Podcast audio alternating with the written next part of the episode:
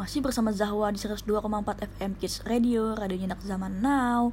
Kali ini Zahwa bakal ngasih info buat adik-adik. Nah, informasi selanjutnya ini datang dari dunia teknologi nih. Siapa sih yang gak kenal TikTok? Adik-adik pasti tahu dan pernah mainin kan? Kali ini Induk TikTok meluncurkan gadget yang ramah untuk anak-anak loh.